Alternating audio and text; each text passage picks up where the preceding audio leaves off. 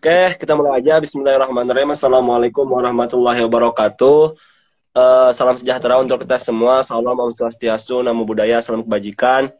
Uh, untuk episode kali ini Bogor Ngariung uh, episode di episode 9 ya Kang. Yaitu ngosip. Ngosip itu uh, ngobrol asik dan produktif hmm. dengan tema uh, tetap berkreasi di tengah pandemi bersama uh, narasumber kita dari stand up Indo Bogor yaitu Kang Pajri Warmit gitu. Pajar, Pajar. Oh iya, Kang Pajar Warmit, mohon maaf nih. Uh, Pajar Warmit. Yeah. Sebelumnya saya kenal ini nih. Ya, uh, nama saya Muhammad Irfan Hartono hmm. ataupun bisa sering dipanggil mungkin sama teman-teman dari Bogor Ngarung itu Kang Irha gitu, Kang Irha. Ya, saya sekarang uh, lagi kuliah di Polbangtan Bogor semester akhir lagi sibuk-sibuknya juga nih Kang nih. Gitu. Saya di sini sebagai moderator buat nanti uh, memandu acara ngosip ini sampai akhir gitu. Oke mungkin itu perkenalan dari saya. Untuk selanjutnya saya serahkan ke Kang Pajar Warmit buat perkenalan terlebih dahulu. Silakan Kang. Ya, teman-teman semua, kenalin nama saya Fajar Warmit. Saya uh, awalnya komika Senap Indo Bogor, cuman sering berjalannya waktu jadi admin salah satu admin di Senap Indo Bogor. Ya, ya gitu paling komika juga gitu-gitulah. Apalagi perkenalannya itu aja cukup ya. Kang Pajar dari mana Kang Pajar? Sebelumnya Kang nih. Pajar asli asli Bogor, asli Bogor dari Ciomas. Ciomas, berarti Bogor kota ya Kang ya? Maksudnya? Yomas kabupaten. kabupaten masuknya. Kabupaten, oh Kabupaten Bogor. Berarti sekarang Kang Pajar ini di admin stand up Indo Bogor ya? Iya, salah satu adminnya. Jadi hmm. ada beberapa admin sih. Hmm, begitu. Tapi selain di stand up Indo Bogor ini Kang Pajar juga bukannya ini lah menggeluti oh, iya. di stand up stand up lain. Begitu. Oh iya di ini. Di apa? Jadi pembinanya stand up Unpak Bogor. Wih, mantap. Ya. Bina.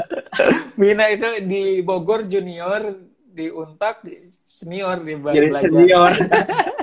Nanti kan kalau di kampus saya ada dah, saya jadiin pembina lagi nih. Jangan susah banyak ini aja ribet nih dua. Oke Kang Bajar. Uh, sebetulnya yeah. Kang Bajar uh, latar belakang dari komunitas stand up Indo Bogor itu sendiri itu apa sih Kang sebetulnya? Latar belakangnya Stand Up Indo Bogor tuh komunitas stand up komedi. Jadi komunitas hmm. yang mewadahi orang-orang Bogor yang suka atau minat atau pengen nyoba buat stand up komedi bisa gabung ke stand up Indo Bogor.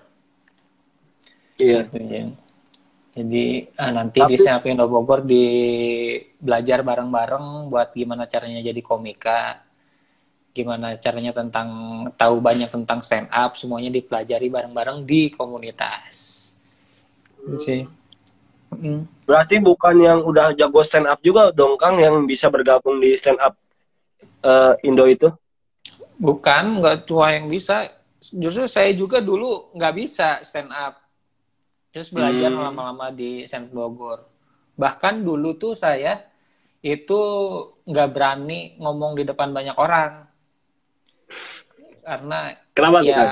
kayak kayak lebih pengen diem aja sih kayak nggak terlalu pengen tampil gitu cuman bedanya kan di stand up kan kelihatannya tuh kayak orangnya curhat terus didengerin jadi ada kesempatan hmm. buat orang pendiam tuh buat ngomong gitu dikasih kesempatan dan ada kemungkinan didengerinnya Soalnya kalau hmm. di tongkrongan, orang pendiam di tongkrongan mau ngomong ataupun mau nyeletuk kan susah banget tuh.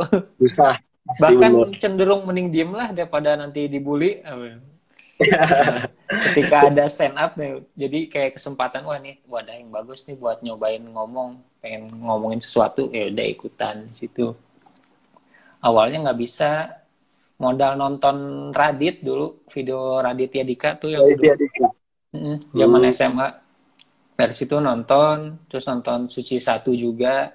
Akhirnya di Bogor ternyata ada komunitasnya ikutan di situ open hmm. mic.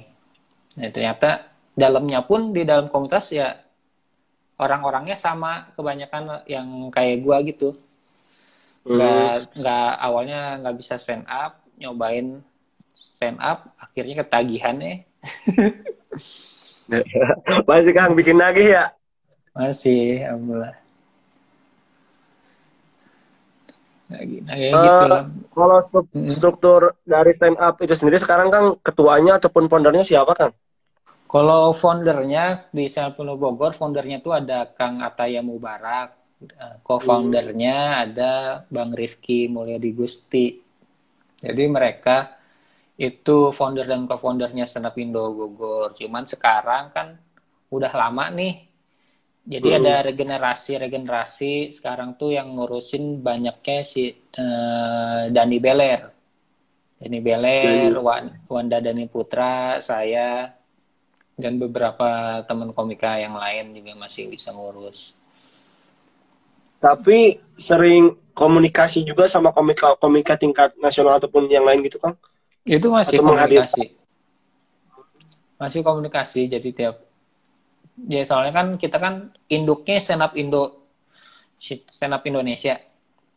Hmm. jadi Bogor itu salah ya, soalnya salah Bogor salah eh, regional ya teh. Regional. Ya, regional komunitas regionalnya induknya stand up Indo. Ini dulu juga stand up Indo Bogor diresmiinnya sama Ko Ernest Prakasa. Dulu. Hmm. kapan tuh tahun berapa tanggal 18 September 2011. Uh, cukup udah lama juga ya. 9 iya, udah. tahun. 9 ya? 9 10 ya? 9, hampir 10 lah. Oh, hampir bentar lagi 10. September depan 10 tahun nih enggak iya. kerasa. Lumayan. Iya. Berarti udah cangkupannya udah luas juga ya. Anggotanya berarti adminnya banyak juga berarti ya? Admin apanya? Stand up Bogornya apa stand up Indonya? Stand up Bogor itu sendiri. Iya, uh, ganti-gantian udah regenerasi. Sekarang udah regenerasi yang baru lagi. Hmm, dulu kan ya dulu mungkin lima tahun pertama tuh uh, Bang Rifki sama Bang Taya masih fokus ke komunitas. Terus nanti uh, 2015-an tuh udah ganti, udah regenerasi. Kasihan kan udah inilah gantian lah gitu biar yang baru-baru juga bisa nyobain gitu. Jadi nggak cuma iya. nggak cuma di stand up komedinya aja jadi uh, berkomunitasnya juga dipelajari itu bareng-bareng. Cara bang. Tapi kalau anggota sendiri kan dari apa stand up Indo Bogor ini banyaknya dari maksudnya kalangan mahasiswa pelajar ataupun dari umum sih kang? Kebanyakan awak mahasiswa pelajar banyak paling banyak, banyak yang bergabung juga. mahasiswa belajar ya. Kalau yang kerja juga sempat beberapa ikut, cuman kan yang namanya mungkin fokus kerja ya. Jadi kadang stand up emang buat pengen hobi aja nggak terlalu serius gitu. Yang penting happy aja. Tapi kali, biasanya ikut. Tapi, tapi kali-kali kalau ada panggilan manggung, manggung kan ya enggak? Iya, manggung, manggung. manggung. Kalau ini kan nih kan kita tahu kan nih tengah pandemi ya, kan? eh, banyak kegiatan-kegiatan yang terhalang nih Kang. Mungkin hmm. beberapa komunitas juga kadang apa pada saat kayak gini bingung gitu buat ngelaksanain program-program kerjanya Kang. Untuk kegiatan stand up komedi ini ataupun stand up Bogor ini Kang secara online ataupun pandemi kayak gini tuh gimana sih Kang? Bisa apa enggak? Ya kalau ngikutin protokol kesehatan sih kayaknya susah buat ngadain event di luar ya di kafe-kafe kayak open mic hmm. sebelumnya. Emang agak sulit itu karena pandemi ini. Jadi untuk sementara waktu open mic Bogor di offin dulu divakumin karena kan ngikutin pemerintah dan ngikutin arahan dari stand up Indo juga. Oh. Jadi uh, kebanyakan dari karena keterbatasan aktivitas ini ya beralihnya ke online sekarang. Ke online. Cuman untuk Bogor, Senapindo Bogor, uh, open mic online-nya masih perlu di ini lagi di apa dikaji lagi soalnya uh, agak ini juga agak sulit soalnya komika-komikanya kebanyakan uh, agak gaptek dikit. ya agak agak susah terus ya, jadi catatan juga nih buat catatan buat ya. nih iya biar nanti mungkin bisa ngadain pelatihan pelatihan terkait iptek ya kang ya buat teman-teman komunitas di bawahnya ataupun komunitas hmm. lain gitu yang ada di Bogor. Iya. Kalau sebelum pandemi kan kegiatannya itu kayak gimana kang? Kalau offline, oh, eh kalau offline ya? Kalau sebelum pandemi kita tuh seminggu ada dua kali pertemuan komunitas. Yang pertama gathering, yang kedua open mic. Jadi gathering itu kita uh, belajar secara teori bagaimana caranya stand up komedi, apa aja yang perlu diperlukan buat stand up dan pengetahuan-pengetahuan lainnya tentang stand up itu dipelajarin di gathering. Nah, setelah gathering nanti ada satu lagi acara open mic Bogor. Itu adalah tempatnya latihan para para komika nguji materinya atau hasil belajarnya di gathering, di uji di open mic. Hmm. Jadi uh, kekuatan utamanya di open mic sebenarnya kalau stand up comedy itu di acara latihannya itu karena bahkan ada yang bilang katanya kalau open mic itu adalah jantungnya stand up komedian. Jadi kalau misalkan uh, jarang open mic, uh, has efeknya tuh nanti si komika bakal nggak nggak terlalu lucu, nggak tajem mm. uh, bikin materinya. Beda sama orang yang sering open mic, sering kelatih, ibaratnya jantungnya sehat, ya hasil efeknya itu gak bagus gitu gitu-gitu. Kalau kalau ini kan apa? Kalau hmm. stand up comedy sendiri tadi kan akan apa? Nyindir terkait apa materi kayak gitu. Emang sebetulnya ada sih materi-materi dasar buat stand up itu memang ada gitu. Apa memang secara naluriah aja gitu keluar kata-kata kan sering apa? Kalau komika itu mainnya kata-kata atau ngelawak. Mm Kalau Dodi itu dengan ekspresi mungkin. Nah kalau mungkin mm. pada dasarnya itu kayak gimana sih buat jadi stand up tuh? Jadi stand up dasarnya teorinya ya ada setup ada punchline. Nah nggak cuma di stand up aja eh, di komedi yang lain juga basicnya setup sama punchline. Jadi setup itu uh, kalimat kalau di stand up ya kalau di stand up tuh kalimat yang hmm. menggiring menggiring penonton terhadap asumsi tertentu. Kalau punchline itu kalimat yang mat, kalimat atau kata yang mematahkan asumsi yang udah dibangun di setup. Itu kan secara teoritis tuh agak bingung. Kalau iya. simpelnya lagi, ya setup itu kalimat yang gak lucu, punchline yang lucunya gitu aja. Oh. gitu. Tapi kadang ekspresi juga bisa ya Kang ya? Hmm, ekspresi. Karena basicnya kan komedinya kan uh, formulanya itu tuh setup sama punchline. Hmm dan nggak hmm. cuma di stand up doang di di komedi-komedi yang lain juga pakainya setup punchline mau itu komedi slapstick mau komedi apa yang ada di TV-TV yang ada di YouTube ada di film uh, Charlie Chaplin uh, eh, Mr Bean semuanya iya. pakai setup punchline ininya basicnya formulanya setup punchline hmm mungkin Kang nih bisa cerita dulu nih Kang hmm. apa, kenapa dulu apa gimana kegiatan Kang Pajar pas di stand up ataupun pengalaman pengalamannya nih gimana nih selama di stand up ini nih oh pengalaman saya uh -uh. pengalaman saya waktu itu uh, awal-awal tahu stand up komedi itu karena di tetangga sebelah nih nyetel nonton hmm. TV tapi ketawanya sampai rumah saya gitu. Kedengeran. Ganggu itu mah ketawanya sampai rumah kedengeran gede banget nih kayaknya puas banget nonton apaan sih? Lihat ngintip-ngintip kan di luar. Oh ada nonton acara nih di channel tertentu nih dicari di TV oh ternyata acara stand up komedi Indonesia season 1 tuh di Kompas. Iya. Yeah. dari situ akhirnya situ tahu tentang stand up nyobain di sekolah di SMA pada ngobrol. Nih ada acara nih stand up comedy seru seru. Terus teman-teman pada pada nyaranin saya buat ikutan juga stand up. Di di kelas di kelas bikin acara stand up. Alhasil terus oh kayaknya seru nih. Big, uh, stand up nyari ya komunitasnya ada nggak? Ternyata nyari di Twitter ada stand up Indo Bogor. Hmm. uh, udah tuh satu kelas uh, rame-rame datang ke open mic saya ikutan stand up teman-teman saya nonton. Uh, alhamdulillah tuh tampil pertama lucu tuh di kedai telapak gitu. Alhamdulillah lucu Keta tapi materi nggak ke bawah semua. Masih penasaran yeah. nih nih ini kayak ini ini lucu nih harus dibawain lagi nih. Uh. minggu depannya ikutan lagi ternyata nggak lucu semua. Ternyata nggak lucu sama sekali ngebom. Nggak lucu. Cuman masih penasaran sama ketika nggak lucu pun materi nggak dibawa semua nggak ke bawah semua. Mm. tapi saya yakin materi yang terakhir-terakhirnya lucu nih yang nggak ke bawah alhasil nyoba lagi minggu depan. Terus saya gitu sampai 2021 ya. berarti udah ada bakat emang Kang ya? Selama apa dari sekolah juga buat ikutan stand up ini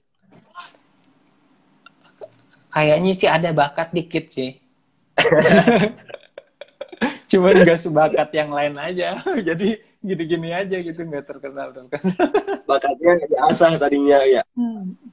iya bisa diasah. Cuman alhamdulillah ngerti lah kenapa kenapa nggak lucu kenapa lucunya jadi tahu aja gitu. Karena hmm. dari dulu sampai sekarang dididiknya di komunitas buat tahu bahwa mindsetnya tuh stand up comedy itu adalah suatu ilmu bisa dipelajari oleh siapa pun di mana pun kapan pun. Itu yang dipelajari di komunitas. Jadi eh, nggak uh, mesti orang yang punya bakat aja yang bisa ikutan stand up comedy. Tapi orang yang mau belajar juga bisa karena mindsetnya stand up comedy itu ilmu bisa dipelajari kalau mindset mindsetnya bakat orang yang nggak berbakat susah ya buat belajar ya kalau gitu iya Kayaknya konsepnya ilmu. Iya, konsepnya Tapi, yang ditanemin ilmu.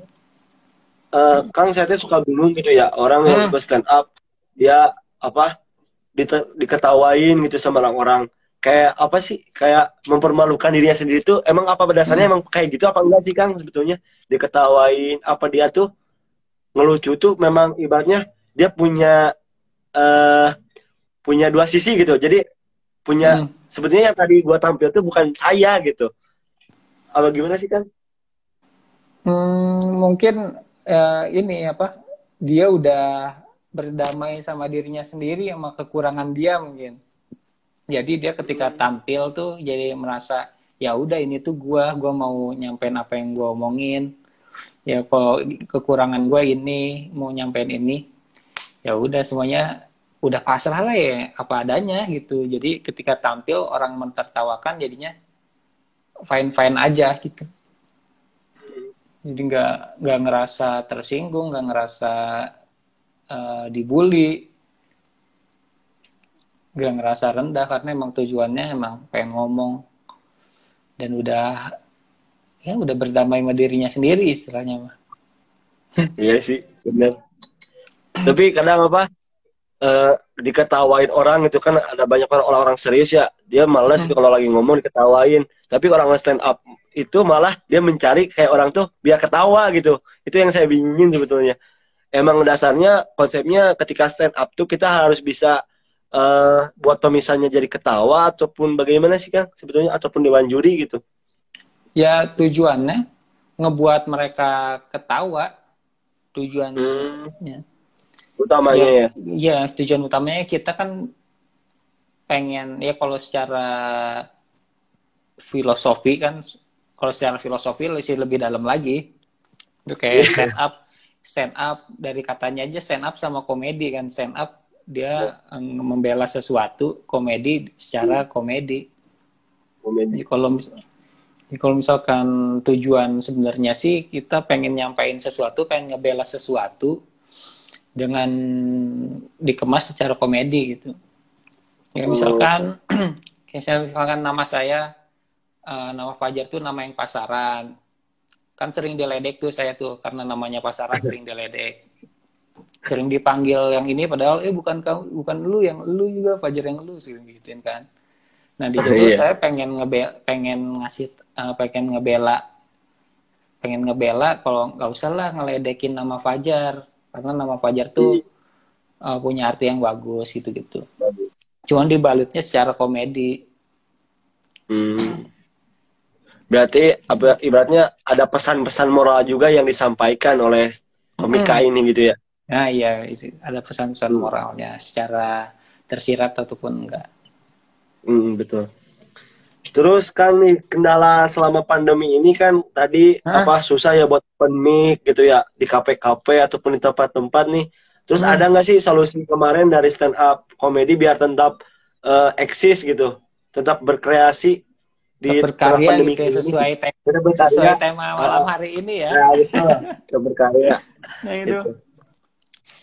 Kalau di stand up Indo Bogor itu komu, uh, uh, komunitasnya tuh dibangun untuk nger, uh, dibangun proses proses komika dari awal sampai akhir proses komika mm -hmm. yang dijalanin di antara tadi open mic sama gathering itu prosesnya tuh dibangun buat salah satu tujuannya biar bisa survive di kala sulit gitu.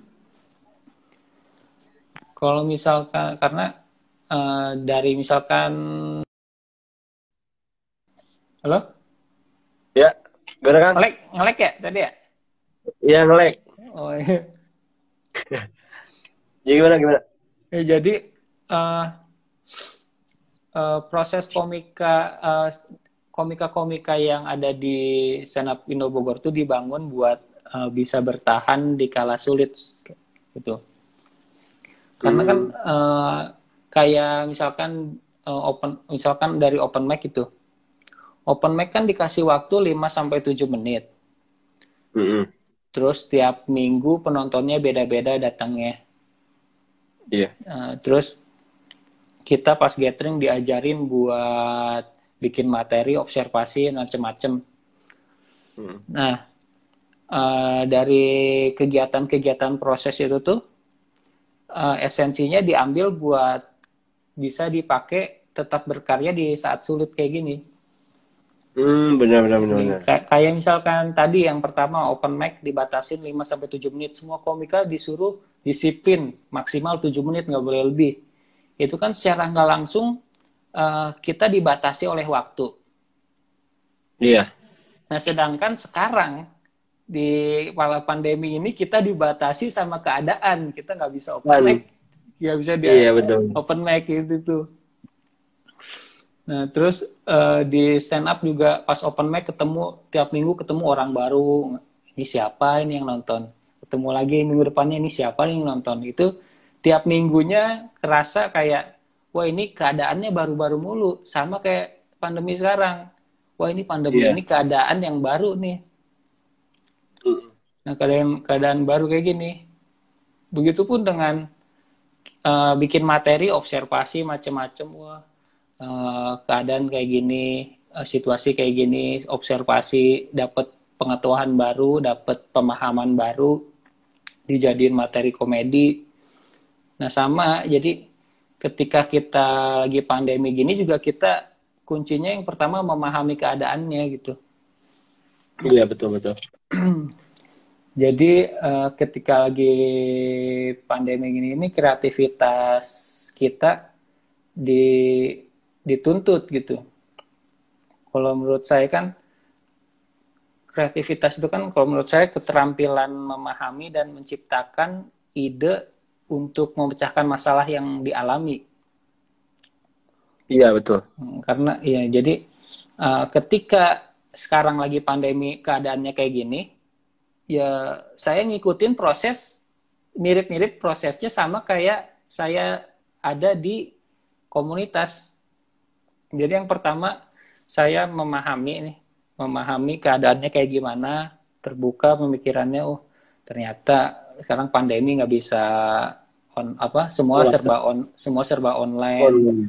Uh, mm-hmm. harus ngikutin protokol kesehatan pembahasan juga nggak boleh yang terlalu menyinggung ataupun terlalu liar habis itu habis proses memahami uh, saya juga nyari uh, nyari data-data lain gitu kayak pengetahuan-pengetahuan lain uh, dari pengalaman diri sendiri. Oh selama iya, selama selama pandemi ngapain aja nih? Oh ternyata selama pandemi cuman gini-gini aja bangun tidur uh, nonton YouTube nyari-nyari informasi di internet belajar aja dari webinar macem-macem.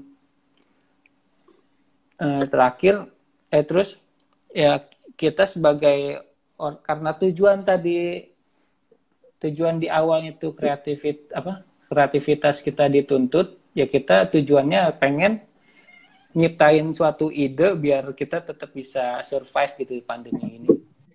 Iya.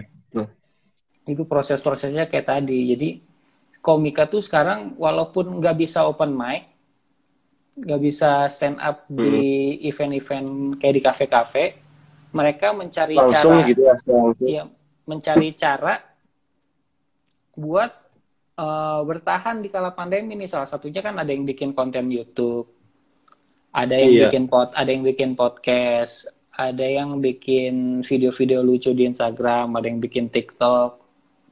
Nah itu tuh semua semua semua hasil karya itu berdasarkan proses kreatif yang tadi sih menurut saya yang saya lihat gitu. Jadi uh, teman-teman komika mungkin selama pandemi ini mereka lebih aktif di secara apa uh, online, cuman bikin konten-konten gitu ya Kang ya. Mm -mm. Cuman prosesnya mirip-mirip sama proses ketika dia bikin materi stand up komedi dan nampilinnya iya. gitu. Karena kan komunitas stand up ya. Gitu. mm dari keterbatasan kita bisa ngapain aja nih. Tapi Kang, apa uh, selain itu pernah nggak sih apa komunitas stand up komedi ini kayak bikin apa acara webinar tapi lingkupnya kayak virtual gitu ataupun ikut? Kalau untuk webinar belum belum, belum sempat ya? sih paling yang sempat adalah kita bikin bikin konten pertolongan pertama pada komedi P3K.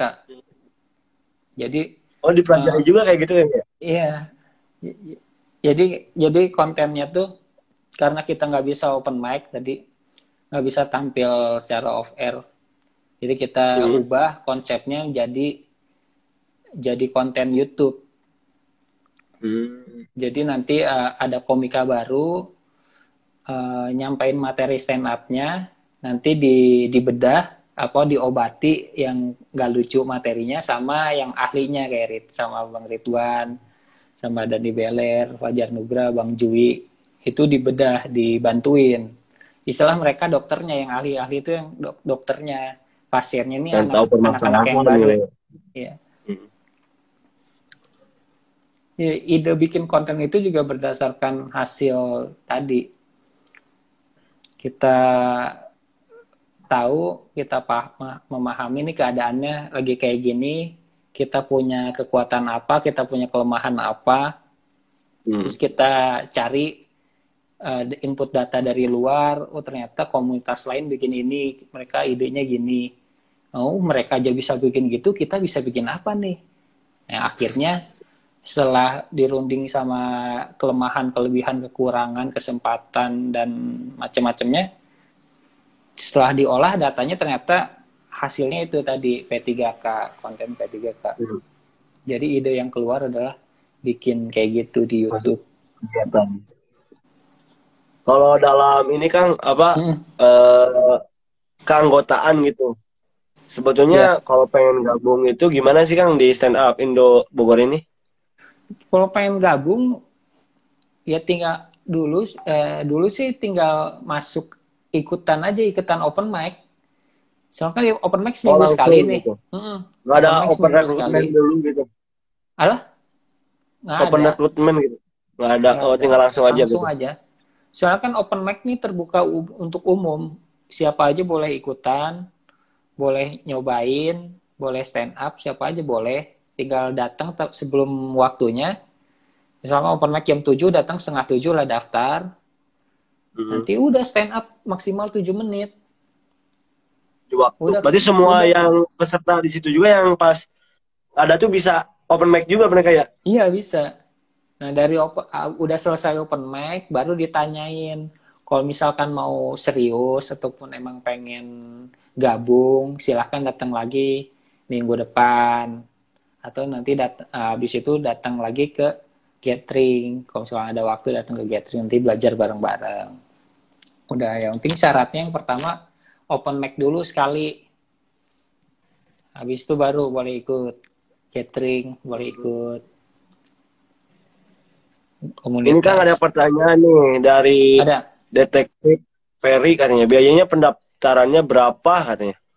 Pendaftaran, ada biaya pendaftarannya nggak dikasih nggak ada gratis pendaftaran. Gratis katanya. Ya langsung tinggal datang aja ya kan ya? Hmm, tinggal datang ke open mic nanti kalau misalkan hmm. corona udah beres nanti ada open mic nanti datang open mic. Kalau lagi corona gini gimana yang mau daftar? Kayak iya itu dia. Uh, kayaknya ditunda dulu open mic-nya ini sampai nanti bisa hmm. open mic paling dibikin kangen dulu nggak ada open mic dibikin kangen. Nanti kalau udah kangen banget bikin open mic pasti ra rame insya Allah. Banyak kan sih gue dateng aja sengaja emang nih dibikin vakum tuh biar kangen dulu. Nyiapin materi kali ya nanti pas iya, ini nyiapin materi. nyiapin materi kalau nggak sekarang sekarang mah kalau misalkan emang pengen nonton banget ya datang aja ke komikanya langsung ke ininya ke konten-kontennya. Soalnya kebanyakan komika-komika Bogor pada bikin sesuatu. Jadi kalau lokasi sendirinya kan kalau offline itu di mana kang? Biasanya? Hah? atau base campnya ada base campnya atau enggak gitu? Base camp ada sih belum. Pindah-pindah biasanya. Kalau buat gathering pindah-pindah kalau misalkan base camp hmm. ya di open mic tergantung pada saat itu open mic-nya di cafe apa itu jadi base campnya Hmm. Tapi ada info, apa? Ada grup WhatsApp gitunya ya? WhatsApp atau Ada. Kalau hmm. udah nanti kalau udah gabung masuk grup WhatsApp juga buat info-info terkini buat sharing-sharing. Hmm. Hmm. Tapi pernah nggak sih Kang apa gitu pas dari komunitas ini diikut sertain ke stand up komedi kayak yang di Kompas Kompas itu yang di lomba-lomba gitu Kang? Pernah itu Emang... Ada nggak tembusan dari stand up Indo Bogor? Ada banyak, banyak lumayan. Waktu dulu kan uh, kalau dari stand up Kompas TV itu ada Irawan Raharja di Suci 2. Mm-hmm. Di Suci, Suci 3 ada Detektif Ferry. Di Suci 4 ada Jawin Nur. Di, Nur. di Suci 5 ada Bakrian. Eh Bakri suci 8 ya? Suci 5 nggak ada deh kayaknya. Suci 6 Fajar Nugra. Suci 7 Ridwan Remin sama Dani Beler. Suci 8 Bakriadi suci 9 nggak ada sama Jadi lumayan juga ya udah banyak banyak tembusan-tembusan yang hmm. udah masuk stand up comedy itu Indonesia. Itu itu stand up Kompas ada lagi stand up Metro TV hmm. dulu stand Metro TV dulu pernah pertama kali ke stand Metro TV itu ada ini Bang Joy, Bang Gue Joy. Dia pertama kali masuk stand Metro TV dan terakhir kalinya juga di situ. Kalau kan sendiri gimana nih? Udah, nah, udah nyoba? Ya saya juga termasuk yang di Metro TV sama Kompas TV juga pernah. Hmm. Saya terus ada Bang Joy Purwoto, Dede Kendor, itu stand Metro TV juga itu alhamdulillah banyak sih yang berhasil masuk ke TV gitu mantap juga bisa berpeluang buat ini jadi komika mm kalau ini kang uh, apa feedback yang akan rasain ketika akan bergabung di stand up uh, Indo Bogor ini selain mungkin akan bisa lebih paham di apa materi ataupun teknis untuk stand up komedi hmm. ini selain itu apa kang yang akan dapetin gitu yang dapetin ya yang didapetin ini paling uh, banyak sih yang didapetin banyak cuman yang paling kepake sampai detik ini ya proses ketika lu bikin materi sampai sampai open mic itu semua prosesnya tuh kepake banget buat kehidupan sehari-hari. Kayak hmm. yang tadi open mic pun datang harus tepat waktu, tampilnya pun hmm. maksimal 7 menit dibatasin. Itu kan nandain buat disiplin tentang waktu.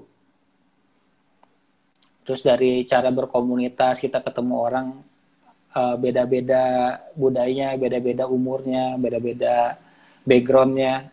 Kita jadi tahu uh, cara ngomongnya gimana terhadap orang yang lebih tua, lebih rendah di komunitas. Jadi ketika berkomunitas uh, belajar tentang gaya komunikasi kayak gimana. Terus di open mic-nya sendiri ngomong di depan banyak orang, belajar gimana caranya public speaking, sebelum tampil harus nulis materi dulu, situ belajar tentang bagaimana caranya nulis. Terus proses kreatif ketika bikin materi biar beda sama yang lain, proses kreatifnya itu yang kepake sampai sekarang. Kayak gitu gitu banyak sebenarnya. Jadi apa bisa banyak yang yang diserap juga ya kan buat mm -hmm. apa buat kehidupan juga itu. Jadi kita nggak terfokus menjadi seorang komika aja gitu. Mm-mm, bener, nggak cuma hmm. nggak hmm. cuma jadi komika, tapi basicnya bisa ternyata alhamdulillah bisa kepake hmm. ke mana-mana gitu. Mana gitu. Dari stand up comedy. Yang saya rasain, tapi, yang saya alamin kayak gitu. Uh, apa kan? Kalau dari Bogor ini sendiri sebetulnya uh, Bogor kabupaten apa Bogor kota atau dua-duanya sih kan? Bogor dua-duanya. Oh, mau, jadi mau udah termasuk kota, ya, Bogor. Kota kabupaten gitu ya. Hmm. Hmm. Terbuka untuk umum, pokoknya buat orang-orang Bogor mau kota kabupaten, kalau mau gabung gabung, mau belajar bareng tentang stand up komedi kita belajar bareng-bareng di komunitas.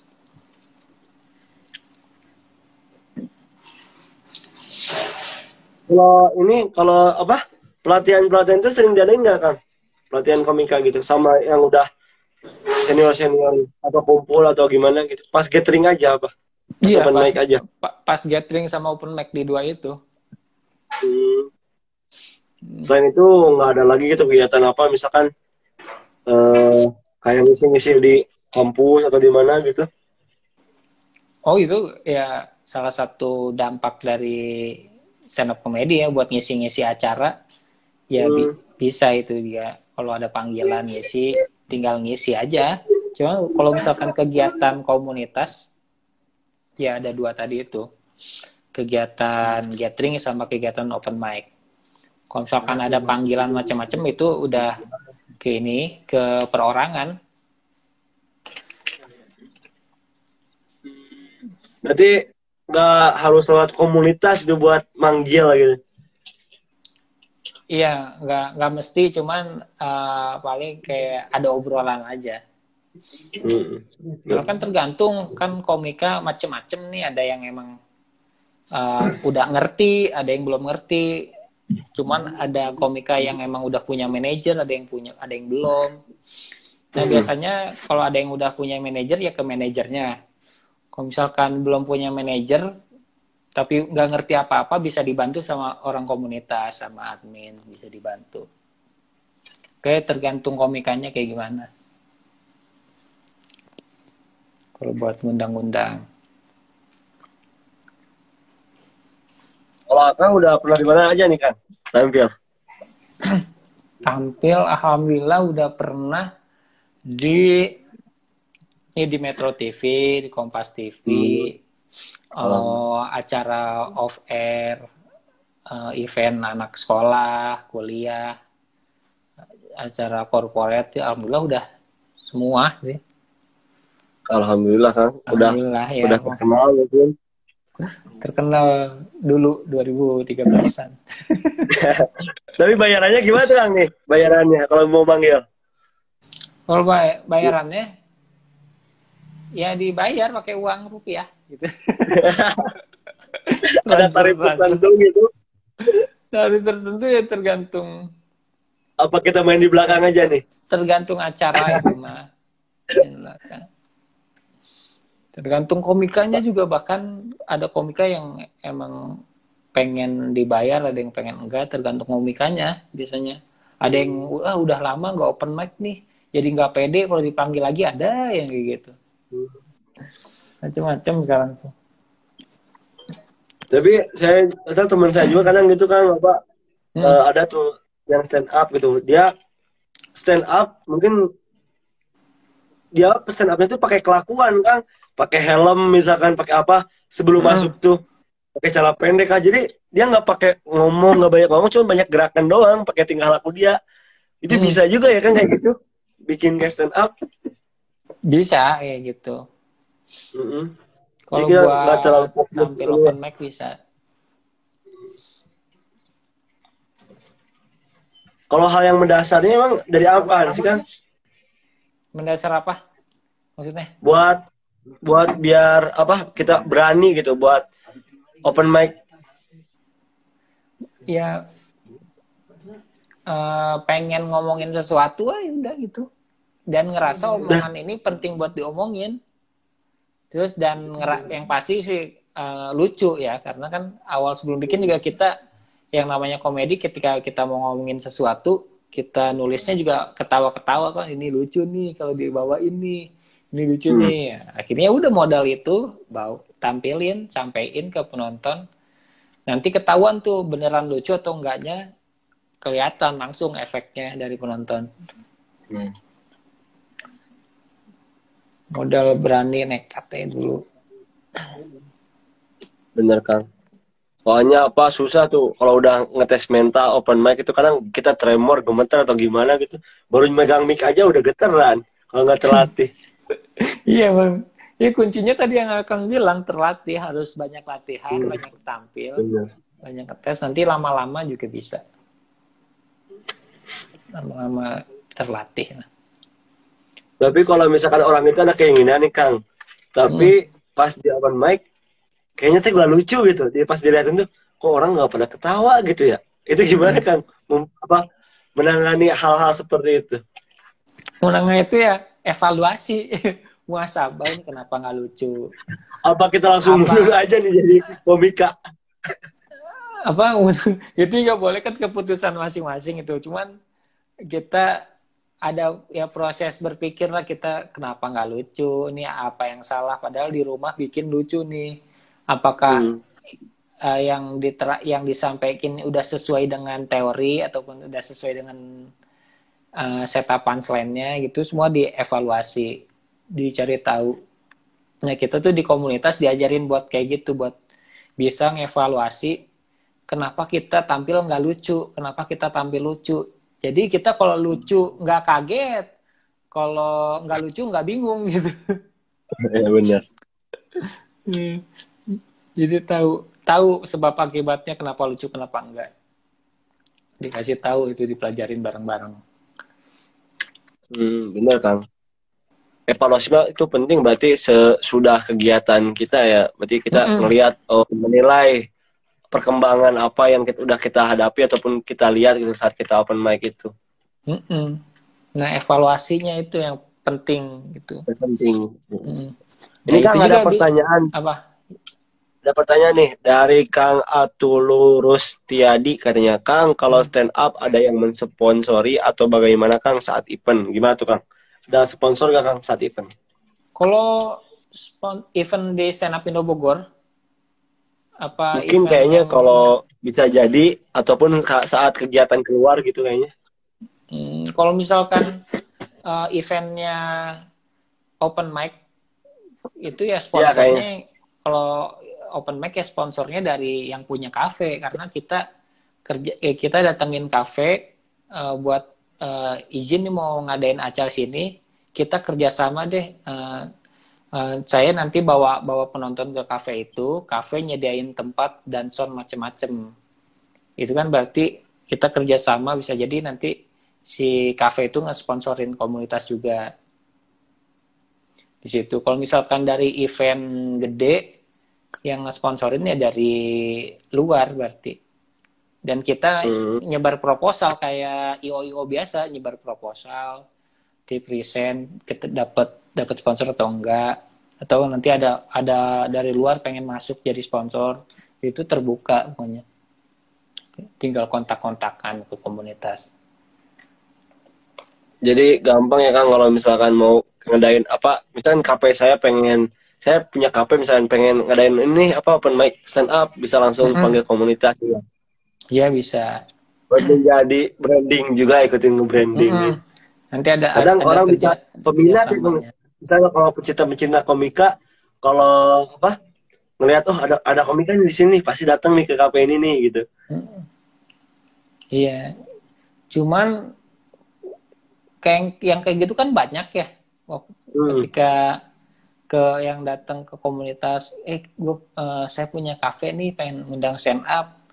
Cuman masalahnya kan kalau komunitas kan mikirin uh, dari dalamnya kan mikirin gimana caranya komika kita bisa latihan secara optimal dan maksimal di suatu tempat. Jadi ketika hmm. ada beberapa kafe yang pengen diadain open mic, cuman uh, dari segi uh, bentuk kafenya tuh kayak kurang mendukung buat stand up, masalahnya di situ. Hmm. Jadi itu yang perlu faktor, perlu faktor di, juga. ya faktor itu yang perlu dirundingin ketika ada dirundingin yang perlu dirundingin cari jalan tengahnya gimana. Kalau audiensnya sedikit juga kan bingung ya kang ya?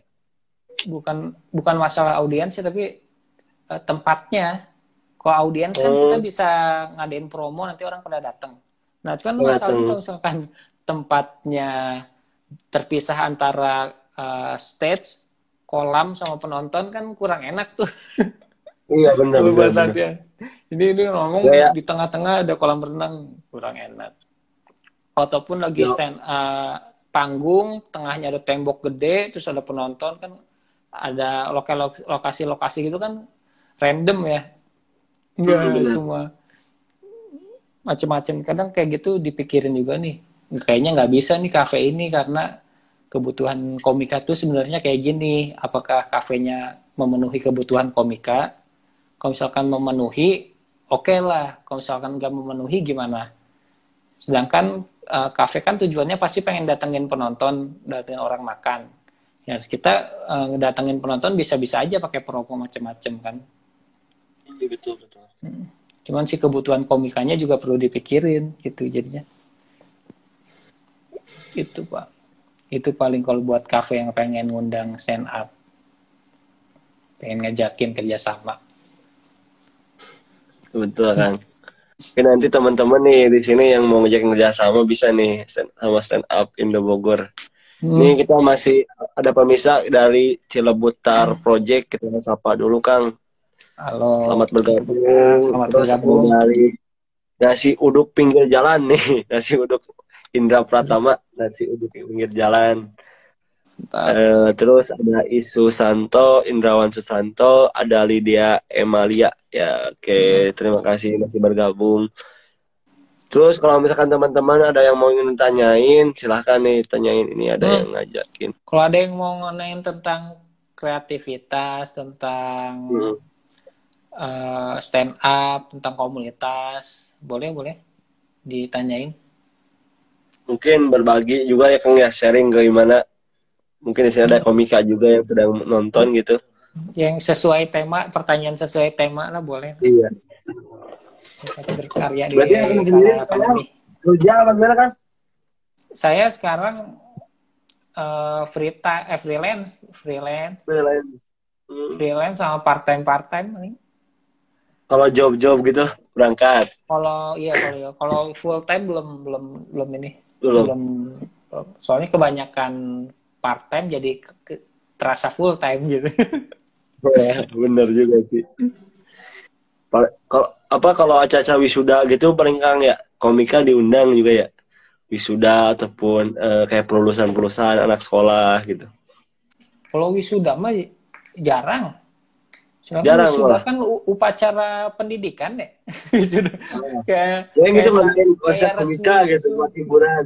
Paling kalau kalau buat kalau mungkin sebelum wisuda tuh kayak ada acara pelepasan pelepasan wisudawan tuh biasanya ngisi di situ. Kalau enggak acara oh, event event-event hmm. sebelum wisuda kadang ngisi situ. Kalau acara pas wisudanya sih enggak enggak soalnya kayak terlalu ya kayak upacara bendera aja gitu kayak sakral aja. Nggak bisa ditambah tambah kurang enak ini kan ada pertanyaan dari Celebut Tar Project.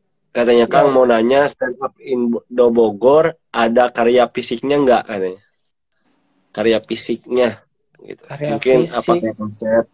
Kayak kaset itu nggak nggak ada deh kayaknya. Kalau aset DVD itu nggak ada. Semua paling karyanya digital. Digital. ada deh jadi jadi konten YouTube. Konten YouTube. Jadi konten untuk YouTube, konten akun akun konten YouTube-nya ada kang ada Atau mungkin dari konten YouTube-nya uh, di search aja di YouTube keywordnya stand up Indo underscore BGR atau stand up Indo Bogor nanti di enter ada channel YouTube-nya, tinggal di subscribe nanti ada video-video stand up dan konten-konten lain. Kalau karya fisik nggak ada. Hmm. Saya bu, mungkin nanti bisa bisa menjadi ini kan menjadi bahan juga nih buat stand up apa komika Bogor buat nerbitin kayak buku ataupun uh, kaset ataupun film-film kayak gitu ya Kang ya? Buku buku sih kayaknya dulu sempat pengen bikin buku gitu bikin kurikulum malah. Hmm. pengen bikin kurikulum. kurikulum bikin kurikulum. Cuman kan yang namanya kurikulum masih proses kan sekarang pun. Masih diproses pembukuan dan macam-macamnya lah pokoknya jadi kayak buku ada nanti hasil akhirnya komunitas senat Bogor tuh punya buku panduan buku panduan sendiri buat buat orang yang pengen jadi komika atau stand up atau jadi admin atau jadi yang orang yang berkomunitas di dalam komunitas tuh. Itu ada panduannya pengen bikin kayak gitu. Nanti ada ada tiga ada tiga job desk gitu. Ada tiga apa namanya? Titel apa tiga jabatan, tiga jabatan. Iya, ada tiga jabatan. tiga jabatan kayak yang pertama jadi komika atau stand up komedian, yang kedua hmm. jadi community manager, yang ketiga jadi open mic manager. Hmm. Open mic manager tuh lebih kayak ke ngurusin event open mic-nya. Jadi kayak bikin hmm. IO, bikin IO. Iya. Yeah. Kalau community manager tuh jadi uh, cara ngebangun komunitasnya kayak gimana. Yang terakhir jadi komika atau stand up komedian udah tinggal pilih itu nanti dari tiga itu tuh kalau ada orang yang pengen masuk pengen jadi apa tinggal pilih dari tiga itu ini Kang lanjut juga nih ada pertanyaan dari brokoli gosong katanya kalau nulis materi lebih baik nunggu inspirasi apa dicari-cari aja? Gimana tuh Kang kalau nyari materi ini. kalau nyari materi dicari dibikin. Nggak usah jangan ditunggu. Kalau ditunggu mah nggak bakal datang tapi kita yang ngedatengin. Hmm benar benar. Lama ya kalau nggak dapet inspirasi lama. inspirasi nggak punya materi. Iya. Karena kan basicnya nulis jadi ada proses-proses nulis gitu. Jadi kita kita nyari data sebanyak mungkin pengetahuan seluas mungkin. Nanti kita udah tahu nih seluk beluk yang pengen kita omongin. Nanti da nanti dari situ diolah jadi tulisan. Dari tulisan nanti kita uh, karena kita tujuannya pengen nulis komedi nanti secara nggak langsung ketika kita lagi nulis kita lagi main mapping observasi nanti bakal ada yang bikin kita ketawa sendiri. Nah itu berarti lucu iya. tuh atau menggelitik nah kuncinya di situ kita uh, cari pengetahuan sebanyak mungkin tentang apa yang pengen kita omongin kita udah tahu banyak, kita tulis, kita tulis tulis tulis uh, menurut kita kayak gimana, kita mau nyampein apa nih yang menurut kita penting disampaikan. Nanti ada ada bagian atau sesuatu yang secara nggak langsung, ah ini lucu nih kayaknya nih. Kalau dibawain, wah ini kayak kayaknya kalau ini diginiin lucu nih, gue tadi ketawa. Bener. kan biasanya suka mikir liar tuh ke mana-mana tuh lagi nulis, lagi iya. bangun ke mana. Wah ini lucu nih digini ya, lucu tulis gitu prosesnya kayak gitu jadi intinya mah harus cari cari ya kang ya jangan ya, inspirasi kalau harus harus dicari dibangun dibentuk di Nah, dicari. Begitu Kang brokoli harus dicari katanya. Kang ini kita nggak kerasa ya. Tadi-tadi hmm. ngobrol, gak lihat waktu, tahu-tahu jam 9 aja. Udah sejam. Eh, padahal kayak barusan ini baru pembukaan saya. Baru nanya-nanya kayak gitu. Hmm. Belum ke dalam. Mungkin kan, oke, okay, mungkin uh, ini kayaknya waktu juga nih Kang nih. Mungkin hmm. akan uh, mau kasih tips ataupun trik ataupun pesan kesannya selama di stand up Indo Bogor ataupun akan mau uh, mempromosikan hal-hal lain gitu.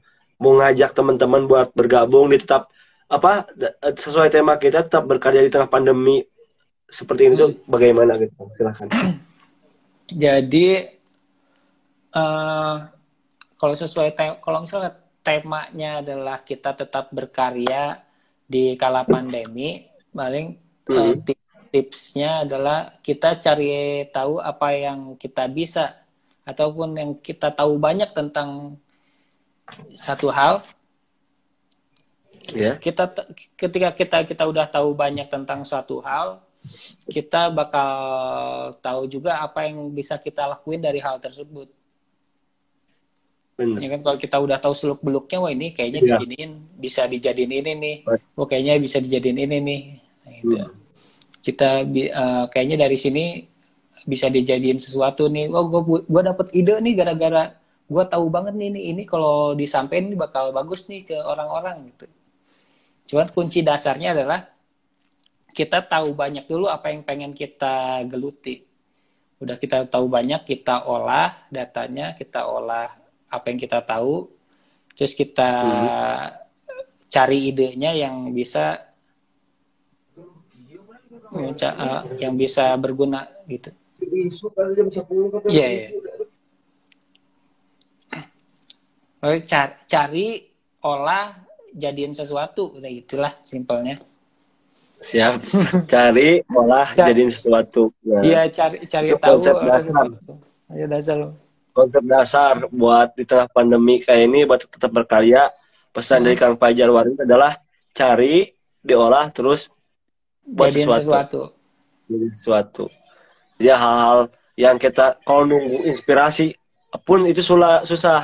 Jadi kita harus hmm. mencari seperti materi mungkin ya Kang cari iya. materi itu terus kita olah jadiin stand up kayak gitu ya Kang bener kan mm -mm. nggak cuma stand up jadiin apa pun yang jadi apa pun. yang ya, tu, ya tujuannya buat mecahin masalah yang kita punya gitu kayak hmm, kalau misalnya betul. masalah masalah kita buntu berkarya ya kalau misalkan hmm. pengen berkarya cari sesuatu dari keterbatasan yang kita punya tadi kita pahami hmm. kita cari tahu kita olah dari keterbatasan tersebut, kita cari iya. kesempatan yang ada dari dari keterbatasan tersebut, udah kita olah, kita jadiin suatu ide yang ide itu tuh bisa memecahkan masalah yang kita punya.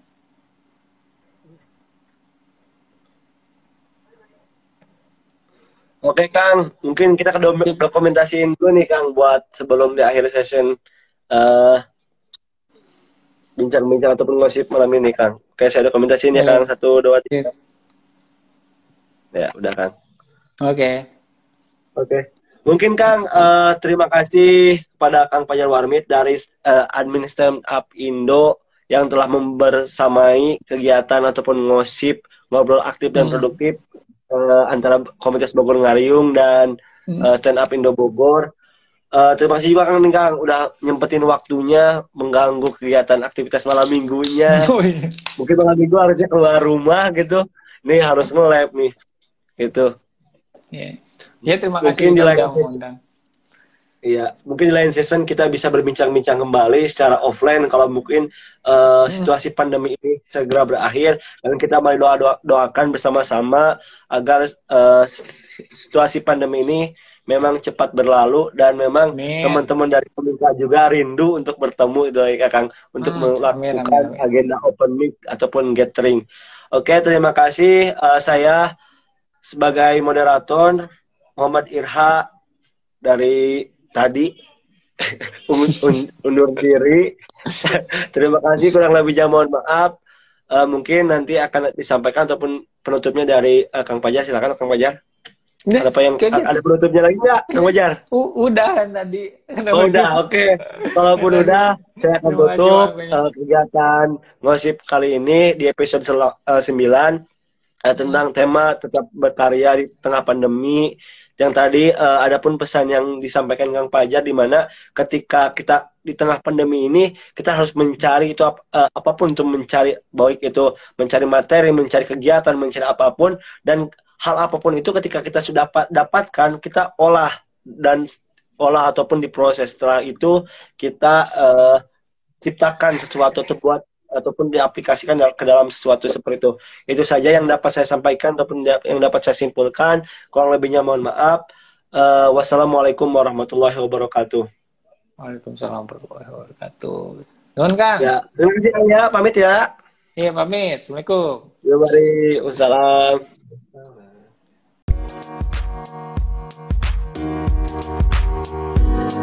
you